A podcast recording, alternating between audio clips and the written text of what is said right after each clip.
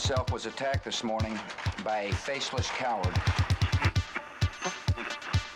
To have had the opportunity to serve the country I love.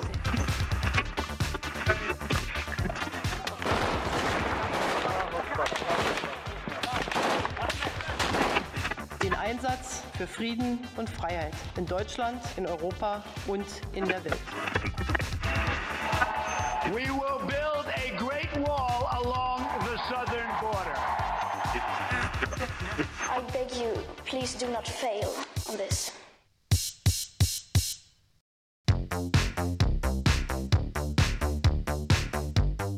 Góðan dag, kæru hlustendur. Þeir eru að hlusta á heimskviður. Ég heiti Guðmundur Björn Þorbjörnsson.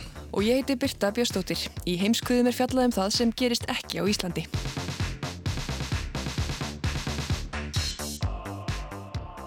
Eins og glöggir hlustendur heyra eru við Guðmundur Björn núna á sama stað. Við erum ekki að tala saman í síma og við erum ekki hangandi undir húsvegg. Nei, loksins, loksins getum við tekið upp engang og lokaord heimskviða saman hér í hljóðverinu í efstaleitinu. Og það þýðir bara eitt, eftir rúmlega tveggja mánuða sóttvarnabasl er loksins búið að rífa niður veggina millir sóttvarnasvæði hérna í eftirleitinu. En veistu hverju við glimtum guðmundur í öllu þessu COVID-brjálaði? Nei, Við ætluðum að hérna, halda sérstaklega upp á það þegar 100. heimskuðupistillin fær loftið og það er búið og gert. já, þú segir nokkuð. Eftir síðasta þátt erum við sagt, búið með 103, Já, 106 eftir þennan vá. og það var pistill Bjarnar Péturs Jónssonar um Michael Jordan sem var sá 100. Já, Það var ekki við það. Já, já, sem leið. En já, allavega við getum nú um frjálst höfuð strókið en það er við þó víst ekki aðalmálið hér í dag. Því sem fyrr ætlum við að segja ykkur sögur utan úr heimi. Og það er Hallgrímur Indriðarsson sem er fyrsti sögumæðu dagsins. Hann ætlar að fjalla um þá mjög svo áhugaverðu staðreind að Donald Trump dró nýverið bandaríkin út úr samningi um svo kallega gagnkvæma lofthelgi. Þetta er langt í frá eini alþjóðasamningur sem Trump hefur dreigið bandaríkin út úr á kjörtímanbylnu. Hallgrímur rínir í hvaða afleðingar úrsagnir frá þessum samningum geti haft á alþjóðasamfélagið. Honum til hals og tröst verður Albert Jónsson fyrirvændi sendeira Íslands í bandaríkjunum og Rúslandi og áður ráðgjafi utarreikisráð þeirra í öryggismálum. En þú, Guðmundur Björn, hvað er þú að bjóða búið í dag? Ég ætla að fjalla minn umdelda fórsetta Brasilíu, Jair Bolsonaro, en hann hefur staðið ströngu síðustu vikunar ekki aðeins vegna örar útbreyslu COVID-19 þar í landi, heldur líka vegna þess að nýverið byrti hæstiréttur landsins myndband af ríkistjórnafundi þar sem Bolsonaro segir fullum fettum að hann ráði öllu í þessu landi. Það eitt og sér er kannski ekkit nýtt en Bolsonaro var mjög ósáttur við rannsóknir á málum tveggja svona sinna sem eru grunaður um spillingum, þeir eru báðir stjórnmálamenn. Vildi hann fá að sjá gögn sem væri til rannsóknar hjá Alrikis lauruglunni en fekk þvert nei frá yfirmann hennar. Og hvað gerði hann þá? Já, hann auðvitað rakan. Mm, Þetta eru svona einræðistilbyrður sem við höfum ekki séð áður á hans hálfu og þá nú mikið sagt. Við heyrum meira af Bolsonaro eftir en þú Birta, þú ætlar að segja okkur frá Inger Stauberg, ekki satt? Jú, Inger Stauberg, hún er fyrirhandi ráð þeirra innflytjendamála í Danmörku sem tók sérst umdelda ákvörðun á sínum tíma um að ekki bara heimild heldur það væri bara skilda að skilja að alla sérst öll hjón úr rauðum hælisleitenda þar sem annar aðalinn var yngre en 18 ára. Þetta gerði hún til þess að koma í veg fyrir barnabrúðkaup, að það var ekki gamli kallar að giftast ungum stúlkum, hún vildi ekki láta það líðast í Danmörku. En rannsókanendin er sérst núna að rannsaka það hvort að hún hefði farið á svifi lög og þá mögulega viljandi. Af því að sérst, það má ekki setja svona algilda tilskipun sem að næri yfir allan þennan fjölda fólks, heldur hefði þurft að taka hvert mál til sérstakar umfjöldunar. Og rannsókanendin er núna farin að og byrjaði í vikunni, eða síðastliðinni viku og við heyrum meirum það eftir. Emitt, Stauberg, Bolsonaro og Trump, góður hlustendur, við byrjum hins vegar á þeim síðastnemda, einu sinni sem oftar. Hallgrímur Indriðarsson tekur nú við.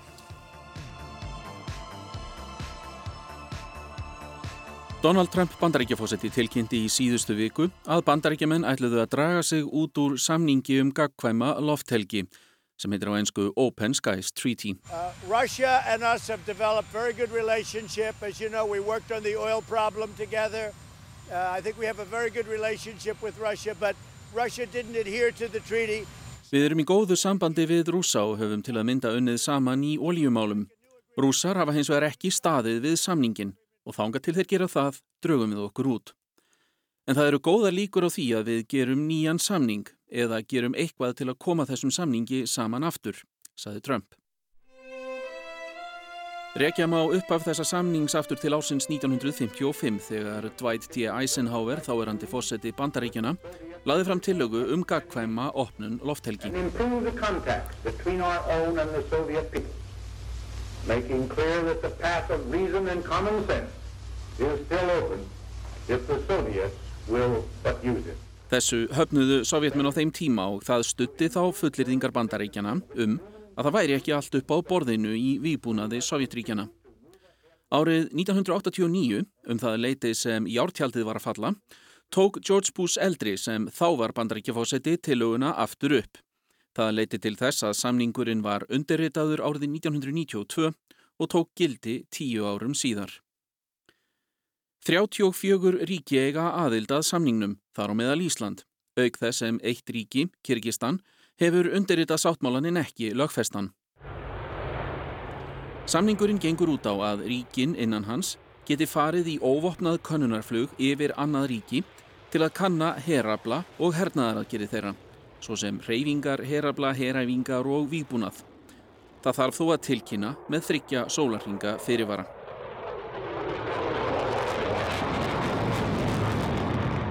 Þessar flugvelar mega vera með skinnjurum sem sjá bæði hreyfingar herabla og búnað. Allar aðelda þjóðir samningsins hafa aðganga þeim upplýsingum sem er sapnað í þessu flugi, óháð því hver sapnað þeim. Í því fælst öryggi samningsins. Því meira sem þjóðirnar vita um aðgerðir hver annarar, því minni eru líkurnar á að til átaka komi millið þeirra. Þessi úrsögn bandarækja fósetta sem kemur undir ekki til framkvæmdar fyrir en eftir hálft ár er ekki alveg úr lausu lofti. Bæði bandaríkjaman og NATO hafa árum saman sakað rúsa um að standa ekki við samningin. Þeir hafa ekki leift könnunarflugi í öllum tilvikum en á sama tíma nýtt sér til hins ítrasta að mig að kanna hernað annara ríkja. New York Times segir að Donald Trump hafi orðið sérstaklega reyður yfir því að könnunarflug rúsa hafi í minst einu tilviki farið yfir Washington og golfvöll hans sjálfs í New Jersey.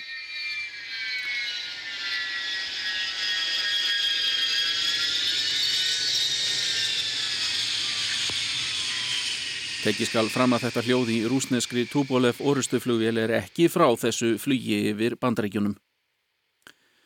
Marshall Billingsley, výbúnaðar sérfræðingur Fossetans, nefndi svo tvær ástæður til viðbótar fyrir úrsögninni í viðtali við sjómastöðuna PBS. Russia was using the treaty to advance its malign propaganda activities around the world. They were trying to get countries to de facto recognize their illegal annexation effort in Crimea and their occupation of Georgia. Billingsley segir að rússar hafi misnota sáttmálan til að dreifa áróðri sínum um heiminn. Til að mynda hafi þeir reyndað fá þjóðir til að samþykja ólöglega innleimun krímskaga og hernámsitt við Georgíu. Það sé ólíðandi. Að auki sé tæknin núna þannig að gerfinhattamindir hafi tekið við hlutverki slíkra eftirlitsflugvela. Bandaríkjaman geti leitað leiða hjá bandamönnum sínum til að vinna með þær leiðir. En hegðun rúsa hefur verið daburleg, segir Billingsley. NATO hefur barist gegn því að bandaríkjaman drægi sig úr samkominnlæginu en það njóta ríkin góðs af þeim upplýsingum sem bandaríkin abla á grundvelli samningsins. Jens Stoltenberg, framkvæmdastjóri NATO, segir bandalægið styðja samningin áfram. Russia has for many years imposed flight restrictions inconsistent with the treaty, including flight limitations over Kaliningrad and restricting flights in Russia near its border with Georgia. Stoltenberg segir að rússar hafi sett takmörk sem séu ekki í samræmi við sáttmálan og bendir þar á takmarkanir á flugi nálegt landamærunum að Georgíu og yfir Kaliningrad, svæðið millir Pólans og Litáen sem er undir yfirráðum rússa. Þetta hafi grafið undan framlægi sáttmálans til þess að tryggja öryggi og stöðuleika á svæðinu. Leitast er þið við að fá rúsa til að standa við samningin. Alþjóðasamfélagið hefur þegar líst áhyggjum af þróuninni. Saminuðu þjóðirnar segja meðal annars að samningurinn hafi aukið öryggi alþjóðasamfélagsins með því að draga úr výbúnaðarkaplöpi. Ef hann verður að engu, án þess að nokkuð komi í staðin, geti það leitt til nýs výbúnaðarkaplöps. NATO og Evrópusambandið hafa brínt rúsa til að halda sig við samningin. NATO-ríkin hafa áhyggjur af því að ekkert eftirlitsflug verði yfir Úslandi þegar bandaríkjaman hætta því sem drægi úr almennu öryggi í Evrópu. Rússar hafa gaggrínt ákvörðun bandaríkjamanna og segja hana ógna öryggi í Evrópu en ekki gefið annað til kynna en að þeir ætli áfram að eiga aðild að samningnum Как раз у российской страны есть очень uh, четкие и давно сформулированные претензии к американцам. Það eru rússar sem eru með skýrar ábendingar um brot bandaríkjamanna á samningnum, segir Marja Sakarova, talskona rúsneska utanrikiðsáðunitisins. Hún segir að þeim hafi verið líst í smáatriðum fyrir bandaríkjamannum í februar. Brot bandaríkjamanna felist í því að setja sérstök takmörk á það flug sem rússar megi fara í yfir bandaríkin, til dæmis yfir Hawaii. Þarna er Sjakarova að vísa í takmarkanir sem bandarækjumenn settu á sem svar við takmarkunum sem rúsar settu sjálfur á flug yfir Sittland. Anatoli Atanov sendi herra Rúslands í bandarækjunum bætti um betur og sagði að ákvörðunin væri ekki uppbyggjandi. Þetta uh, sviðitilstuður og Þetta sýnir það minnstur af hálfu bandaríkjastjórnar að draga sig út úr tvíliðarsamningum sem hafa mótað hegðun venjulegra þjóða í hinnum siðmentaða heimi, segir Atanov. Þessi samningur er nú ekki burðarvirki í afvopnarmálun, svona á stóru myndina litið. Þetta er Albert Jónsson, fyrverandi sendiherra í Bandaríkjónum og Rúslandi og áður ráðgjafi utaríkisá þeirra í öryggismálum. Hann hefur fylgst glögt með þróun þessara samninga. Hann segir samningin þó skipta máli vegna þess tröst sem hann byggist á, en meint brot rúsa á honum hafi rýrt gildi hans. Það er auðvitað búið að marg ræða ágreiningsefnin í sérstakri nefnd sem er á vettvangi samningsins og er, er til þess. En, en sem sagt það virðist ekki ganga og fyrir Bandaríkin og Rúsland skiptir þetta ekki mjög miklu málið. Þau hafa gerfinhetti og ýmsar aðra leiðir til þess að ná þessum upplýsingum. Það er meira mál fyrir, fyrir, fyrir bandamennina, minni ríkin sem eru ekki eins burðu og langt í frá í, þessum efnum og samningur reyndar heldur áfram vantanlega, munu hinn 34 ríkin haldunum gangandi en, en auðvitað er þetta neikvægt í sjálfu sér en þetta er ekki Þetta er ekki stórmál og mér sýnist nú svona að þetta ekki, ekki vakin eina stórkoslega aðtikli eða, eða, eða umtal.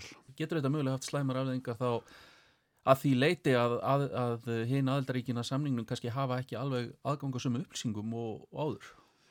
Já, já og þeir hafa náttúrulega reytt sig á uh, bandaríkjuminn hafa sérstakka flugvelar í þessu og, og ég hygga og mér skilst það að bandamenn er að í NATO og, og önnu ríki sem er aðilar á samningnum hafi reytt sig á upplýsingar frá bandaríkjónum með þessari tekni þeirra. Þannig að þetta er mínusur í þá lítið ríki og óttast rúsa eða einhvers eða bandaríkin þess vegna. Og þá veitir að þetta þér ákveðina tryggingar og þú getur gert ákveðina kröfum, aðgang og, og svo framvegis. Þannig að þetta er ákveðin trygging fyrir, fyrir veikbúraríki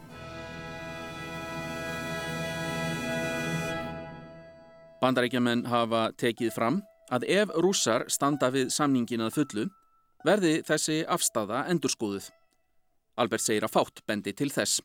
Rússar séu ekki tilbúinir að breyta afstöðu sinni til flugs yfir ákveðinsvæði, til dæmis Kaliningrad.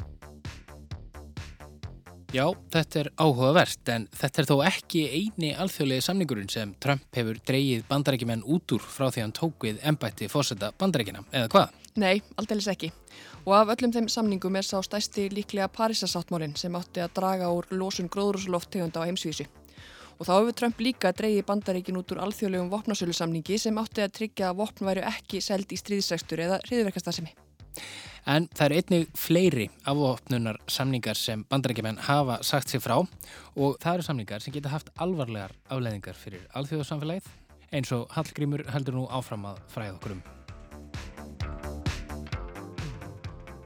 Í mæ 2018 dró Trump bandaríkin úr alþjóðlegu samkommulagi um kjarnorkuvopnaframleðslu Írans sem var undirritað árið 2015. Auk þessara tvekja landa komu breytar, frakkar, þjóðverjar og kínverjar að samkominnlæginu. Það átti að koma í vekk fyrir framleiðslu á kjarnorkuvopnum í Íran sem hafði þá verið veruleg og Íranar þurftu að sæta viðskiptaþvingunum af þeim sökum. Samkominnlægið snýrist um að Íranar dræju verulega úr auðgun úrans sem og byrðum af því og þeim var bannað að auðga úran til að framleiða kjarnorkuvopn. Þá áttu þeir að hleypa eftirlitsmunum inn í landið til að kanna hvort þessu væri framfyllt. Í staðin átti að aflétta öllum viðskiptaþingunum. Donald Trump sagði ástæðuna fyrir úrsögninni einfalda. Íranar hafi áfram getað auðgað úran. The deal allowed Iran to continue enriching uranium and over time reach the brink of a nuclear breakout. Trump heldur því fram að í skjóli samningsins hefði Íran getað komist á fremsta hlunn með að hefja kjarnorkustríð. Við uppsöknina settu bandaríkjaman aftur viðskiptaþvinganir á Íran. Sérstakar rástafinir voru gerðar að haflu breyta, frakka og þjóðverja til að halda samningnum gangandi en eftir árásina sem bandaríkjaman gerðu í janúar og varð Qasem Soleimani, aðal hessauðingja Írans að bana, lístu stjórnvöld þar því yfir að þau myndu ekki framar virða sáttmálan nema viðskiptaþingununum erði aflétt. Albert Jónsson segir að samningurinn um kjarnorkuvopna framleiðslu Írana, sem í raun sé aðgerðar áætlun en ekki samningur, hafi marga galla en menn hafi hinga til verið sammála um að hann væri það skásta sem var í bóði. Meðal gallana eru að Íranar gætu farið hratt í að framleiða kjarnorkuvopn á ný á grundvelli ákveðina sólalags ákveða í áætluninu. Það sem eitt sem, sem gerir Íransamningin svo sérstakann uh, og ólíkan hinnum er að hann tengist jafnfram beinlínis pólitík í bandaríkjónum. Þetta var alveg kvitt og klárt eftir þessum kvitt og kláru kostningalóðum Trumps. Þetta væri sá vesti samningur sem hann hefði nokt í hann séð fyrir utan, utan nokkra aðra sem hann gæti komið til hugar og hann myndi segja hann upp og, uh, og hann stóð við það og eitt af svona hans uh, engjannum og uh, hann er ódreiknarlegur á mörgum sviðinu, hann er údreiknarlegur á einu leiti, hann stendur við kostningalofur og þetta er nátengt ímyndans og baráttunni fyrir endurkjöri og svo framvísar. Írans samningunum tengist þessu. En það eru fleiri áöfnunarsamningar sem Donald Trump hefur sagt upp. Ronald Reagan, þáverandi bandaríkjafósetti og Mikhail Gorbachev, þáverandi leðtói í Sovjetríkjana, undirrituðu samning um að hætta framleiðslu meðaldrægra kjarnaflöga 1987, sem hefur í daglegu tali verið kallaður ENF samkominnlægið. Þetta á við um flögar sem draga 500 til 5500 kílometra. Ákveðin grunnur var lagður að þessum samningi og leðtóafundi þeirra tveggja í Reykjavík árið áður 1986 Mr. General Secretary, though my pronunciation may give you difficulty, the maxim is dovayai no provayai, trust but verify. На каждой встрече вы это повторяете. You repeat that at every meeting. Reagan sagði við undirritun samningana að markmið þeirra væri að treysta og staðfesta.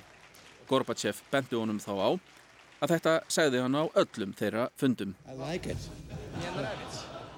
en það virðist sem í það minnsta tröstið hafi minkað með tímanum.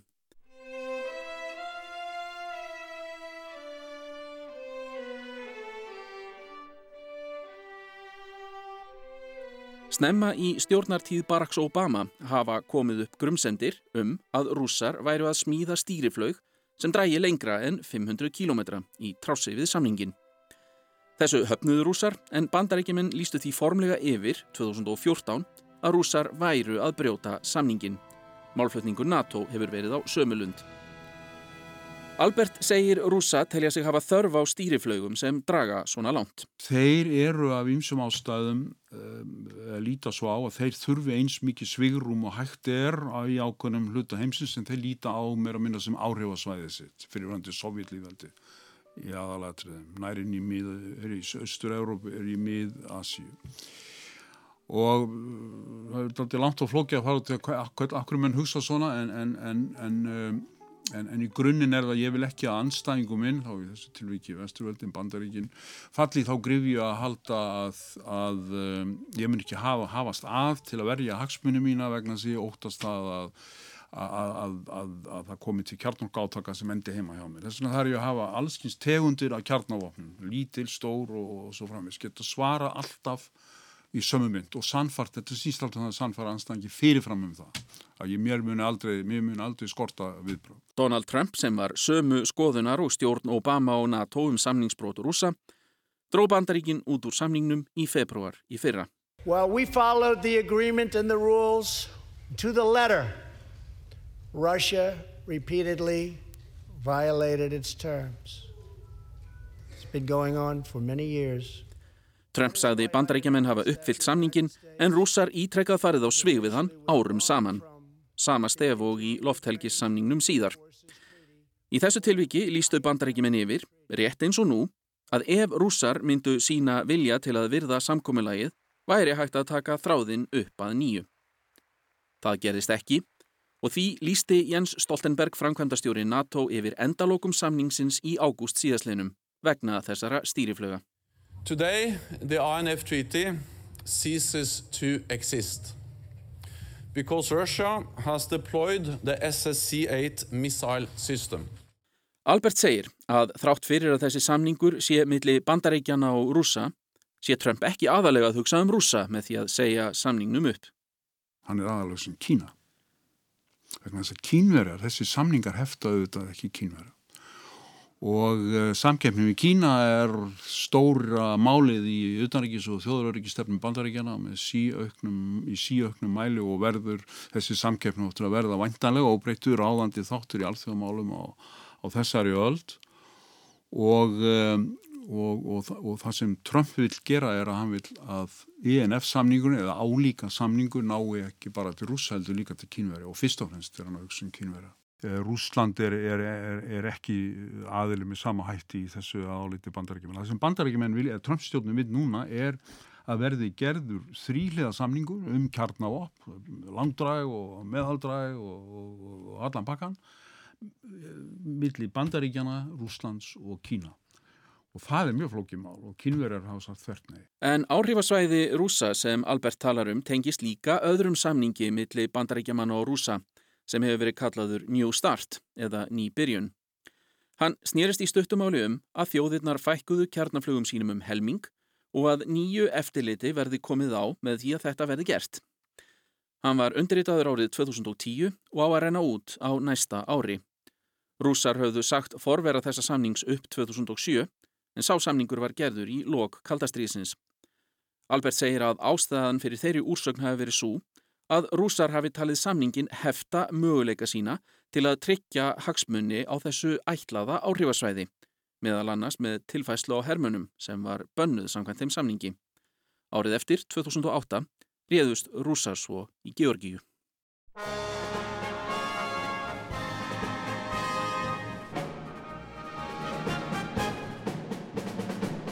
Albert segir að ef New Start samningurinn verður ekki framlengdur, eins og verðist líkleg niðurstaða ef Trump verður áfram fósetti eða loknum fósettakostningunum í haust, sé stærsti ókosturinn fyrir bandarækjaman sá að þeir geti ekki lengur haft eftirlit með výbúnaði rúsa.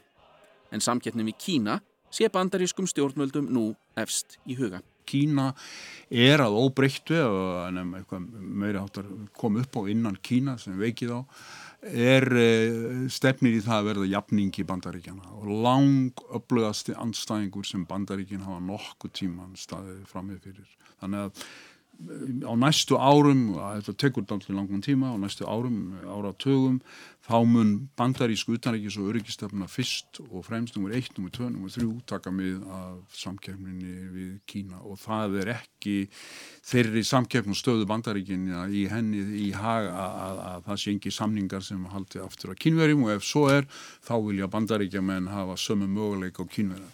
En ástæðan fyrir því að neyta að vera með í viðræðinu við bandaríkinu eða bandaríkinu og Rúsland er einfallega svo að kynveri að eiga öllu líkindum ekki nema, ekki nema 300 kjarnóta meðan uh, Rúsland og Bandaríkin með að kortum sig eiga rúmlega 1500 í svo kvöldum langdræðum vopnum og sá, svo á kortum sig sérstaklega rússarnir 2-3.000 skamdræði kjarnavopn. Kynverðan segja meðan við eigum 300 og þið eru í tal, talið í þúsundi á ykkur þá komum við ekki að neinu samningaborði með ykkur. Þegar þið eru konið niður undir tölun okkar þá skulum við ræða við ykkur og þetta auðvitað gengur ekki að hálfu hinnar rúsar hafa þá ekki sagt ofinfélag við tökum ekki þáttið því að þrýsta á kynveri um að fara í þrýliða viðræður um kjarnáa þó að undir niðri rúsar væri alveg ábyggilega til í það að fá kynveri inn í það vegna þess að henda rúsum auðvitað jafn mikið og bandaríkjamannum að, að komi vekk fyrir að, að kjarnorku herstyrkur Kína vaksi. Trump hefur líka sagt varandi þennan startsamning að hann vilji ekki framlengja nema að Kína verði aðilega að honum. Já, sem er enga líkur á. Nei, það er, er bórum von. Ég tel það alveg minna, eins og ég segi bandaríkin og rússar muni ekki um, fækka í vopnabúrun sínum til þess að fá kynveri að samlingabróðum, það hendar, hendar ekki.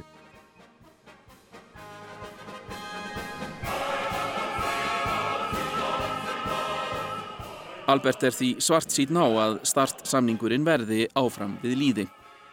Þessi atbyrðarás sem við höfum farið yfir virðist leiða það í ljós að þessir áopnunarsamningar eru annarkvort ornir að engu eða hafa mun minna gildi en áður. Washington Post greindi að auki frá því á förstu daginn, daginn eftir að Donald Trump tilkynnti að bandaríkinn dræju sig út úr lofthelgisamningnum, að bandaríkjastjórn hefði rætt um að gera sínar eigin kjarnorkuvopnatilunir nokkuð sem bandaríkjumenn hafa ekki gert í hartnær 30 ár. Borið hefur á óta við að þetta geti orði vísir að nýju výbúnaðarkaplöpi.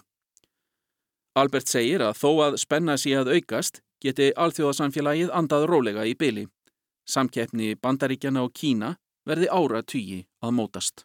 Og þetta mun herða á einhvers konar výbúnaðar kaplöpi Millið er að þegar fram í sækið, kynverar eru náttúrulega að stekka herrin sinn og honum eru að vaksa ásmegin.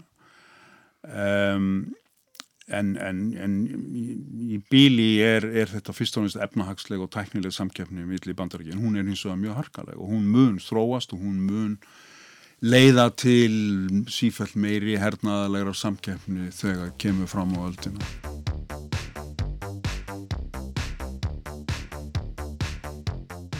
Nýverið tók Brasilia fram úr Úslandi í þeirri óöfundsverðu keppni um hvar flest kórnuveri smitt hafa verið greint. Aðeins í bandaríkjunum hafa fleiri greinst smittverðin í Brasilíu en tilfellum fjölgar þar hratt. Líkt og í bandaríkjunum hefur fósiti landsins verið harðlega gaggrindur fyrir viðbröð sín við útbreyslu verunar en Sjær Balsonaro hefur frá fyrsta degi neitað að horfast í augu við afleðingar COVID-19. Hann hefur meira segja hvart landsmenn til að virða tilmæli ríkistjóra Brasilíu um sótt hvíð af vettuði. En þetta bagalega ástand er þó ekki það sem er efst í huga Bolsonaro um þessa myndir. Guðmundur Björn segir okkur nú frá stjórnuna tilbyrðum þessa umdelda að fósita.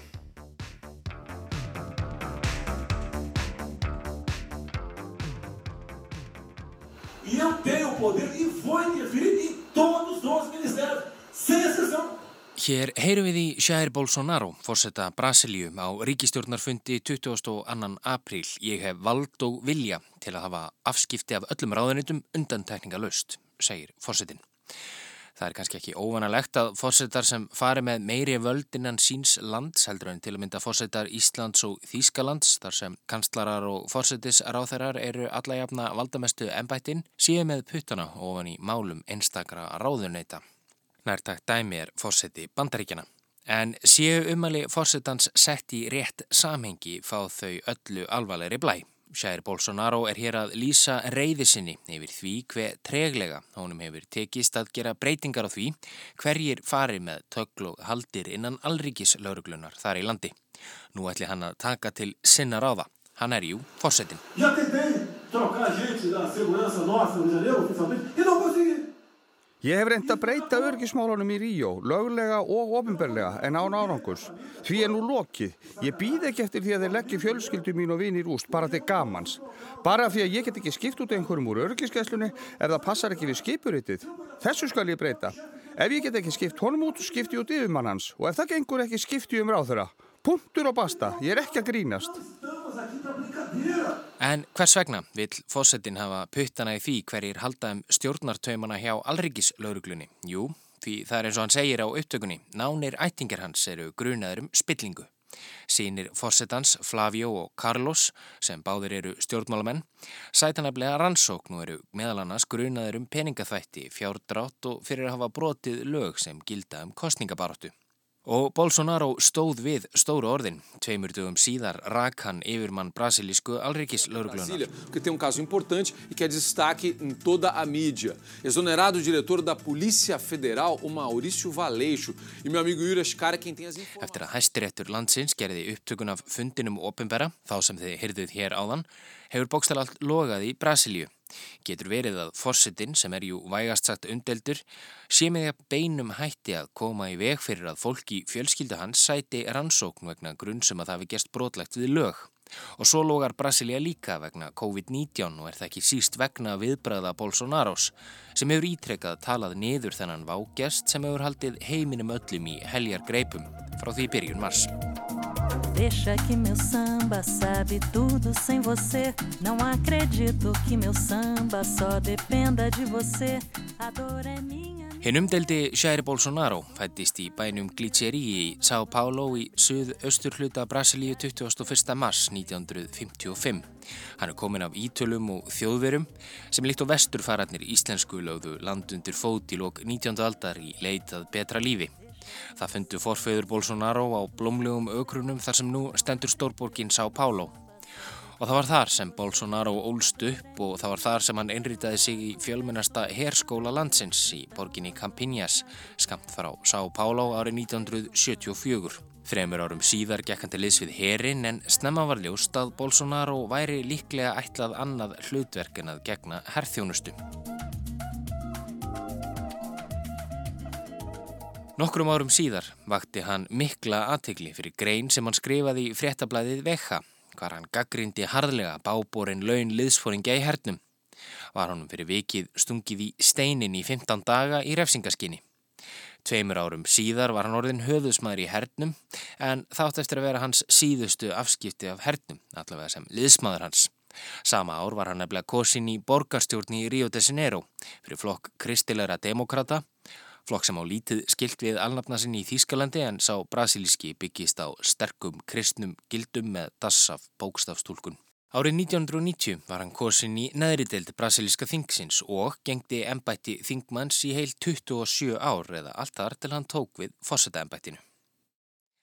Í tíð sinni sem þingmaður var Bolsonaro þekktu fyrir að liggja ekki á skoðunum sínum, skoðunum sem höfðuðu fremur til hennar íhaldsumu, strángtrúuðu og fátæku. Hann lagðist alla tíð gegn því að samkynja hjónaböndirði lefð, talaði niður til samkynjara var svarinn andstæðingur lögleðingar þungunarofs og annara þáttar sem hafa jæmt og þéttur upp sér til rúmsvíða á Vesturlöndum síðustu ára og áratvíi. Þetta sem alla jafna teljast til mannreittinda. Og auðverikismálinn, hmm... Hvar skildi Bolsonaro standa þar? Jú, þú gískaði rétt. Hefur maður ekki heyrt þetta einhver staðar áður? Hann lagði höfuð áherslu á það allan sinn fingmannsferil að styrkja tengst Brasilíu við Bandaríkin og Ísrael. Í byrjun árs 2018 færði Bolsonaro sig um set og gekk til liðs við PSL-flokkin, flokk frjálsleindra jafnaðamanna. Ja, það heitir hann allavega en flokkurinn þykir þó mjög íhaldsamur og þjóðverðnis populískur. Um sumarið 2018 var svo tilkynntum að Bolsonaro hefði verið útnemdur fossetaefni flokksins og bauð hann sig fram undir slagurðinu Guð ofar öllum. Þrátt fyrir að vera mjög undeldur í heimalandinu á Bolsonaro sannarlega sína fylgismenn. Svo margað að í kostningunum síðar sama ár fekk hann 55,13% atkvæða. The breaking news is the far-right candidate Jair Bolsonaro has won Brazil's presidential race. The Í upphafi síðast ás tók hann svo formlega við störfum sem 38. fórseti Brasilíu.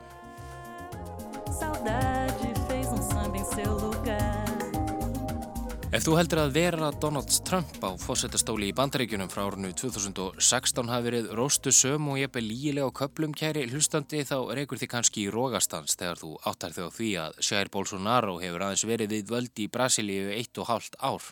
Fáir þjóðar leðtogar að frátöldum kollega hans í bandaríkinum hafa vakið jafnmikla aðtegli og umfjöllun í fjölmiðlum á síðast ári og Bolsonaro. En það myndi æra óstöðan að fara að telja það allt upp hér. Það er þó verðt að nefna að Bolsonaro er langt til hægri á ás stjórnmálana og hefur meðal annars sagt að hann horfi lungunar augum til þeirra ára sem innræðisherrar réðu ríkjum í Brasilíu. Áður en hann tók við embætti lofaði hann því að hann myndi berjast gegn spillingu, berja niður sósialisma og taka harta á glæpamennum og glæpastarsimi í þessu fjölminnasta landi Rómunsku Ameríku. En Bolsonaro hefur gert eitt og annað jákvætt á sér í lægi fyrir brasilískan efnahag. Ríkistjórn hans kom í gegn breytingum á lögum um lífeyriskreislur Nú geta Karlmenn komist á elli líferi 65 ára í stað 56 ára og konur 62 ára í stað 53 ára. Talið er að laugin komi til með að spara ríkinu þúsundur miljardar næsta áratvín og þá minkaði atvinnuleysi í landinu fyrstu sex mánuðið hans í starfi. Meanwhile, the virus is still surging in Brazil where they're also preparing to restart a shattered economy. En Bolsonaro hefur ekki alltaf tekist vel til. Síðustu mánuðir hafa reynst honum erfiðir. Hvers vegna? Jú, vegna koronavirunar. En Brasilia er nú það land hvar næst flest smitt hafa greinst á eftir bandaríkunum. For the third day in a week, Brazil has reported daily deaths of over a thousand. Rúmlega 400.000 smitt hafa grenst í landinu og yfir 25.000 látið lífið. Brazil emerging as the new epicenter of the pandemic. Cases there surging and the daily death toll is now surpassing that of the US. Og Bolsonaro hefur fengið sinn skerf af gaggrinni fyrir viðbröð sín við útbreyslu verunar. Líkt og Trump í bandaríkunum gerði hann lítið úr mætti hennar og lagði áherslu á að fólk syndi vinnu sinni og leti hjól atvinnulífsins snúast. Ríkistjórar einstakra ríkja í Brasilíu sem hafa töluverð völd eru margir hverjir ósamála Bolsonaro og hafa sett lög sem ganga gegn tilskipunum fórsetans honum til mikillar gremju. Fjöldi greindra smita í Brasilíu hefur tvöfaldast á tveggjaveikna fresti um nokkurt skeið. Til samanburðar tók það Breitland tvo mánuði, Frakland fjóra mánuði og Ítalju fimm mánuði. Á meðan ástandið versnar sínir fórsetin engin merki þess að hann taki útbreyslu veirunar alvarlega. Nú síðast á sunnudaginn heilsað hann upp á stunismenn sína á fjöldafundi þar sem hundruð voru saman komin og geti sér á pilsu. Á myndbandi sést fórsetin sleikja fingurna.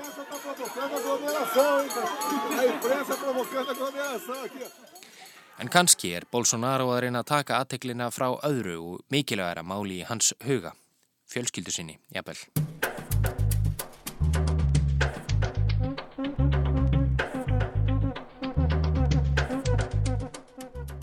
Víkur þá sögunni aftur að ríkistjórnarfundinum þann 22. apríl. Sem fyrir segir var Bolsonaro ósáttur við það hver littlar upplýsingar hann fjekk frá alríkislauruglunni sem rannsakaði ásakarnir á hendur svona hans. Flavio Bolsonaro er sakaður um fjárdrátt og peningaþætti. Carlos, sem er árun yngri en Flavio, er gefið að söka það var reynd að klekja á andstæðingum sínum í kostningabaróttu með ólöglegum hætti. Báðir eiga þeir sæti í efri deilt brasilíska þingsins og hefur alríkislauruglan rannsakað mál þeirra. Á ríkistjórnafundinum Jós fadir þeirra á skálum reyðisennar yfir því að hann hafi ekki fulla stjórn á því hverjir fari með völd innan alríkislauruglunar. Ég er með alríkislaurugluna sem gefur mér ekki upplýsingar. Ég er með leinithjónustu hersins sem gefur mér ekki upplýsingar. Bolsonaro er kvumsa yfir þessu ástandi og hvað gera bændur þá, eða fórsetar? Jú, þeir taka til sinna ráða. Tveimur vikum síðar var Mauricio Vallejo, yfirmanni Alrikis laurglunar sem hefur mál svona hans til rannsóknar, sagt upp störfu. Nær samstundis sagði Sergio Moro, dómsmálar á þeirra af sér. Í kjölfarið sakaði Moro fósettan um að hann var rekið Vallejo vegna þess að hann hafi ekki viljað útvega fósettanum leinileg gögn sem hafði voru til rannsóknar á málum svona hans. Ríkisaksóknari Brasilíu hefur síðan þá haft til rannsóknar þessar ásakanir þessa fyrirverandi dómsmólar á þeirra í ríkistjórn Bolsonarós.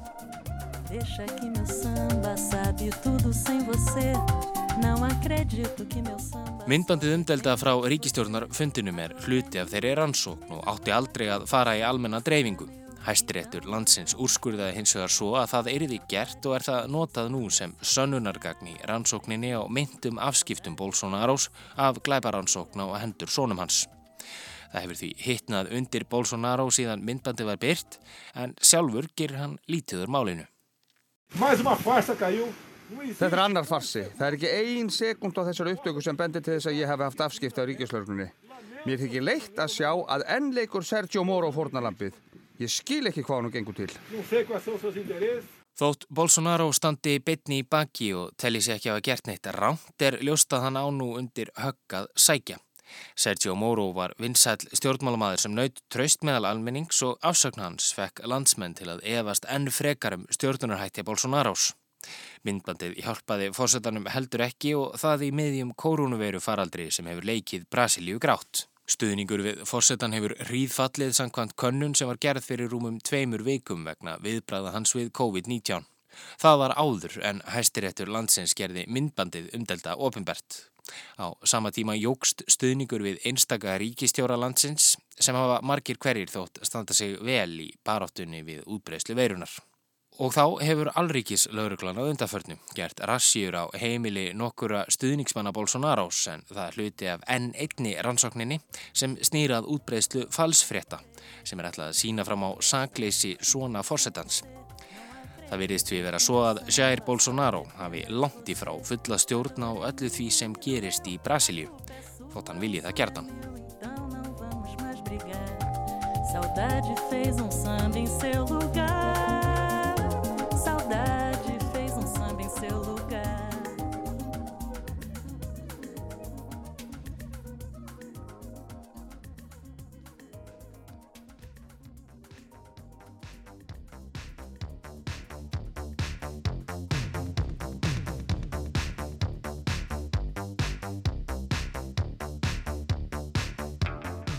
Frá Brasilíu höldum við til Danmerkur, en líkt og siðra lenda stjórnmálamenn þar oft í kröppum dansi. Nýjasta dæmi er Inger Stoiber, fyrirverandi ráþæra innflýtindamála.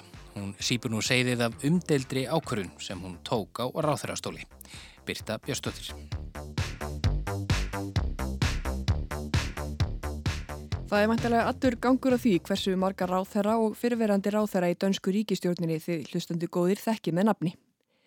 En hvort sem við getum nafngreint fáa eða marga ár þeirra rauðum er ekki ósennilegt að Inger Stoiberg sé einn þeirra. Hún var ráð þeirra innflytjandamála í Danmörku í ríkistjórn Lars Løkke Rasmussens frá 2015 til 2019 á tímum þegar málefni flóttafólks voru einn helsta áskorun stjórnvalda víða um Evrópu. Evrópuríkin beittu afar ólíku meðlum til að breðast við stríðum ströymi flóttamanna frá átakasvæðum sunnar í heiminum og það var nokk sama hvort stjórnvöld breytti út faðminn til að taka móti sem flestum eða settu auka lás á dyrnar til að draga úr móttöku flótafólks, alltaf heyrðust gagnisrættir.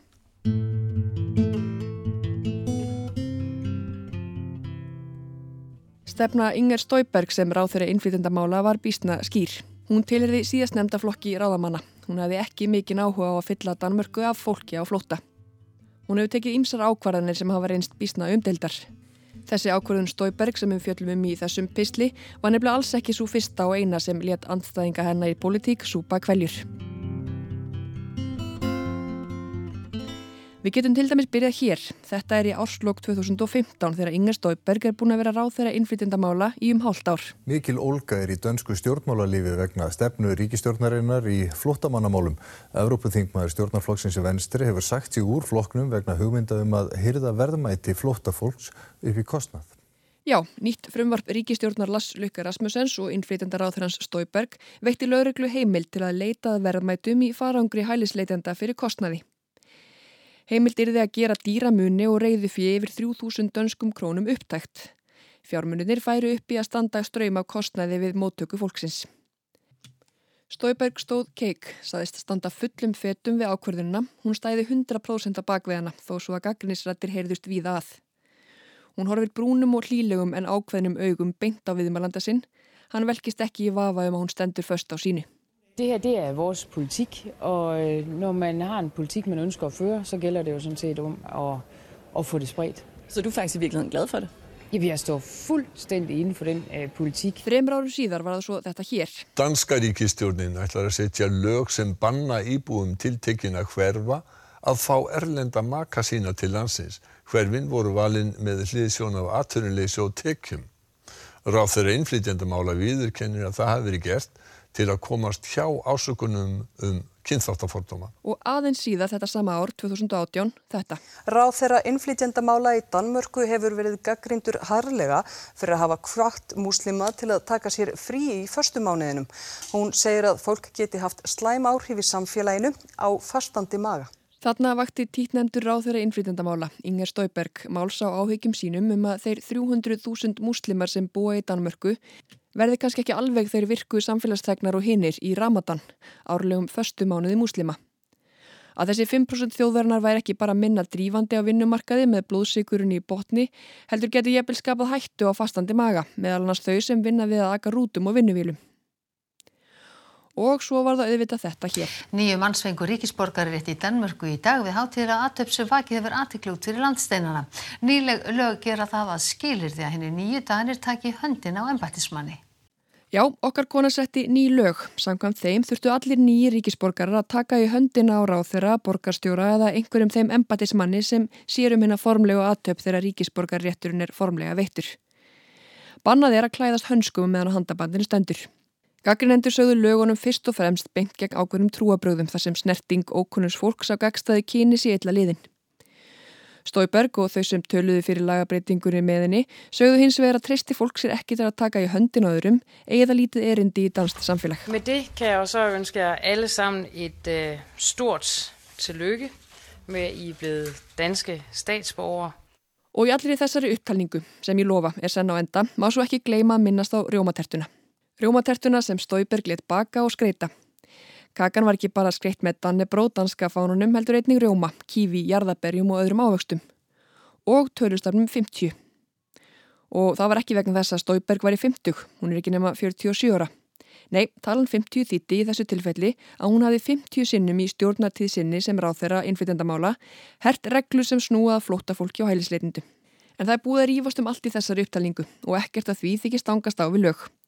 Ekkert af þessu er það sem rannsókanendin sem ríkistjórn Mette Fredriksen, fósettisáður að Danmerkur, setti á lakirnar á að rannsaka.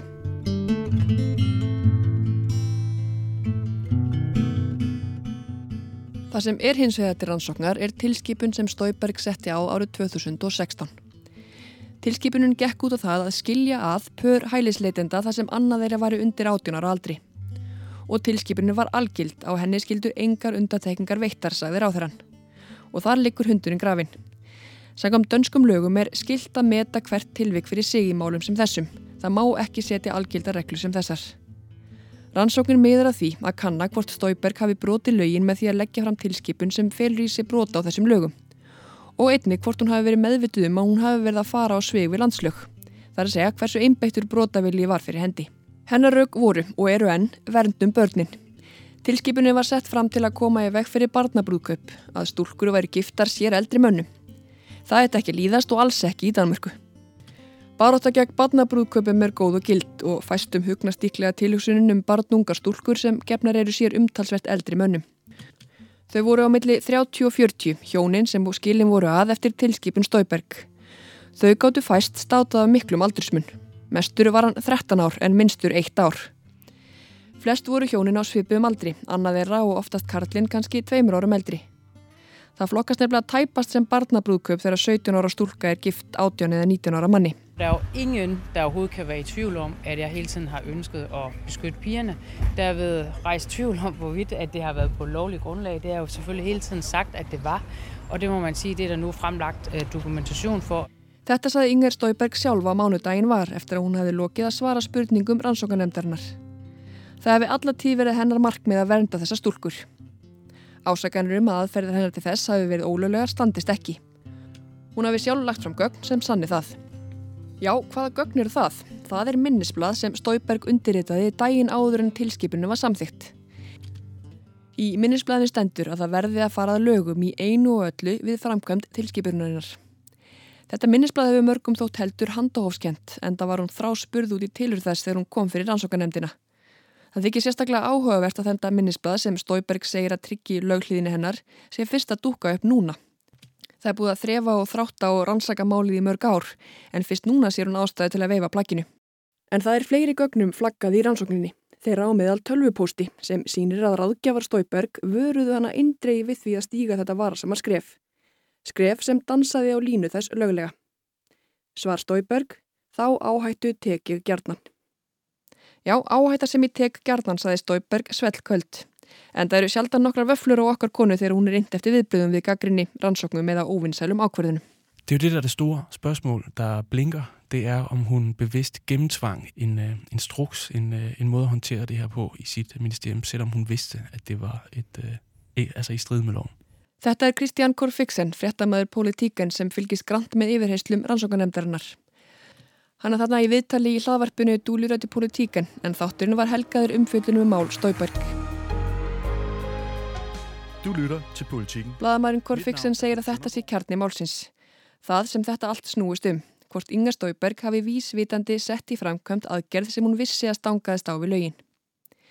Það er rannsókanemdarinnar að komast í því, það gerur hún næstunni. Ef niðurstaðin verður að Stóiberg hafi engin lögbrotið fellur málið um sig sjálft og verður líklega til fylgisaukningar fyrir Stóiberg og mögulega flokkanar venstri. Komist rannsókanemdin hins vera þeirri niðurstöðu að þáverandi ráþæran hafi brotið lög vísvitandi fer mál hennar fyrir landstóm, ríkisréttin í Danmörku. Verður það úr, verður það í fyrsta sinn í bísna langan tíma sem embættisverkar á þeirra fer fyrir landsréttin, en það gerði síðast árið 1993. Heimskjöður verð ekki fleiri þessa vikuna. Þátturinn er aðgengilegur á öllum helstu hlaðvarpsveitum til dæmis Spotify og iTunes og þá eru upplætt að gerast áskrifandi af þættinum á þessum veitum svo ekkert fari fram hjá ykkur. Og svo eru þetta líka hægt að hlusta á þáttin í RÚV appinu eða í spilarunum á RÚV.is og þar er líka hægt að lesa ítarlegar fréttaskýringar um efni þáttarins. En við þökkum þeim sem lítum og heyrumst í næstu viku.